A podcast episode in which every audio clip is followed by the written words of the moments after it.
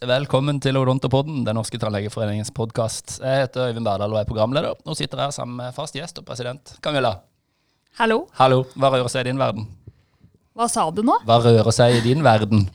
Jo, det er eh, Det er ikke så mye Eller det er jo Vi er jo på vei tilbake til normalen, så det er det som rører seg. Ja, fordi at eh, vi kasta oss rundt, vi nå, og laga en podkast. Fikk det til oppi eh, tette kalendere. Eh, og det er i dag, 26. mai, vi spiller inn dette her. Jeg satser på å få den ut i dag. For det kom oppdaterte anbefalinger og råd til tannhelsetjenesten fra FHI og Helsedirektoratet i dag. Ikke sant? Yes. Og det skal denne episoden handle om. Ja, Camilla, hva innebærer oppdateringene?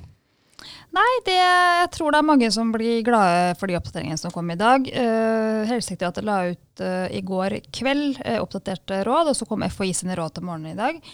Og overskriften er jo at tannhelsetjenesten bør tilbake til normal aktivitet, eller i hvert fall mot normal aktivitet. Og det er jo mange som sikkert er veldig fornøyd med. og det er bakgrunnen for det er jo at det er lav smittespredning i samfunnet. Og at uh, tannhelsetjenesten da må også tilbake til mer tilnærma normal aktivitet. Men er normal normal? Nei, altså det er jo ingenting som er normalt nå. Og det er jo selvfølgelig fortsatt sånn at vi må forholde oss til generelle råd. Uh, uh, denne én-til-én-veilederen som FHI har lagd. Så vi må ta litt mer hensyn enn det vi har gjort før. Det skal ikke være mange personer samla på et sted. Det skal fortsatt være en meter mellom. Det er en del tilleggsråd fra FHI også når det gjelder tannhelsetjenesten. Bl.a. det med å skylle, at pasientene skal skylle. Man skal bruke kofferdam. En del sånne ting. Men, men, så det må man fortsatt ta hensyn til. Så, men det viktige er at man åpner for mer normal drift. Man har ikke noen restriksjoner, så vidt jeg kan lese, i hvert fall, i forhold til det med Rosol-generelle prosedyrer. At man kan bruke vanlig utstyr igjen, som vi nå har på en måte ikke brukt på en stund. Mm. Hva med recall-pasienter? Recall-pasienter, det får vi mange spørsmål om. Ja. Nei, nå åpner de for at man skal begynne å, å ta inn uh, recall som normalt. Uh, man skal undersøke og tilby undersøkelser til de pasientene som man tidligere har gjort det med. Så det er ikke noen restriksjoner på det lenger. Og Det er det vel mange som blir glad for. Ja, og så er det jo viktig å si at det, hvis man, det står at hvis man ikke har full kapasitet, så skal man fortsatt prioritere etter den prioriteringslista, men man åpner for helt normale innkallingsrutiner. Ja, men Hva med smittevernrutiner sånn generelt? da? Har det skjedd noe nytt der som du kan uh, trekke fram? Ja, FHI har jo kommet med, med eller endra råda sine. Eh, ikke så veldig mye fra sist, men det er basale smittevernrutiner som gjelder, som er liksom basisen, i tillegg til noen av de ekstra tingene jeg nevnte i stad. Eh, og så står det også at man kan fortsatt bruke frakk hvis man vil det, hvis man skal gjøre eh, prosedyrer som, som, som, medfører sprut og, og, sånne ting, men det er basale smittevernrutiner som gjelder. Mm.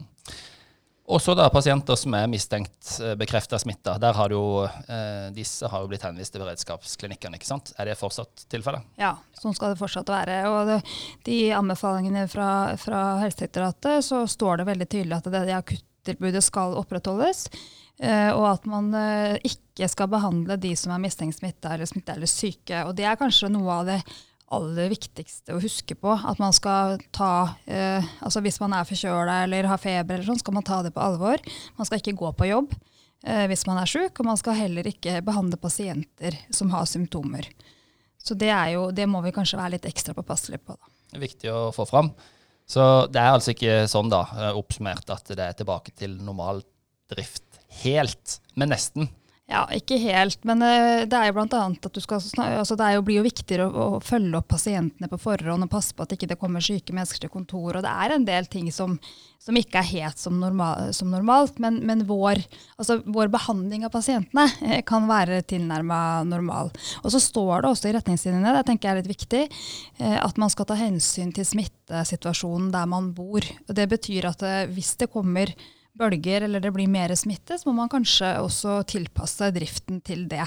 Så dette er eh, Vi vil nok ikke bli kvitt disse rådene eller anbefalingene. Altså, de må vi nok følge gjennom hele, i hvert fall dette året. Da.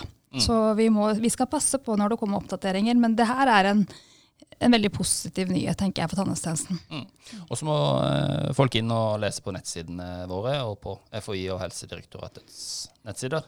Ja, jeg anbefaler at alle går inn og ser på de anbefalingene som ligger der. Eh, og hvis man går inn på Helsedirektoratet, så finner man lett anbefalinger for tannhelsetjenesten, og da kan man klikke seg videre til Folkehelseinstituttets råd. Så det burde alle gjøre nå. Gå inn og lese de nye anbefalingene, sånn at man er oppdatert. Vi avslutter der. Yes.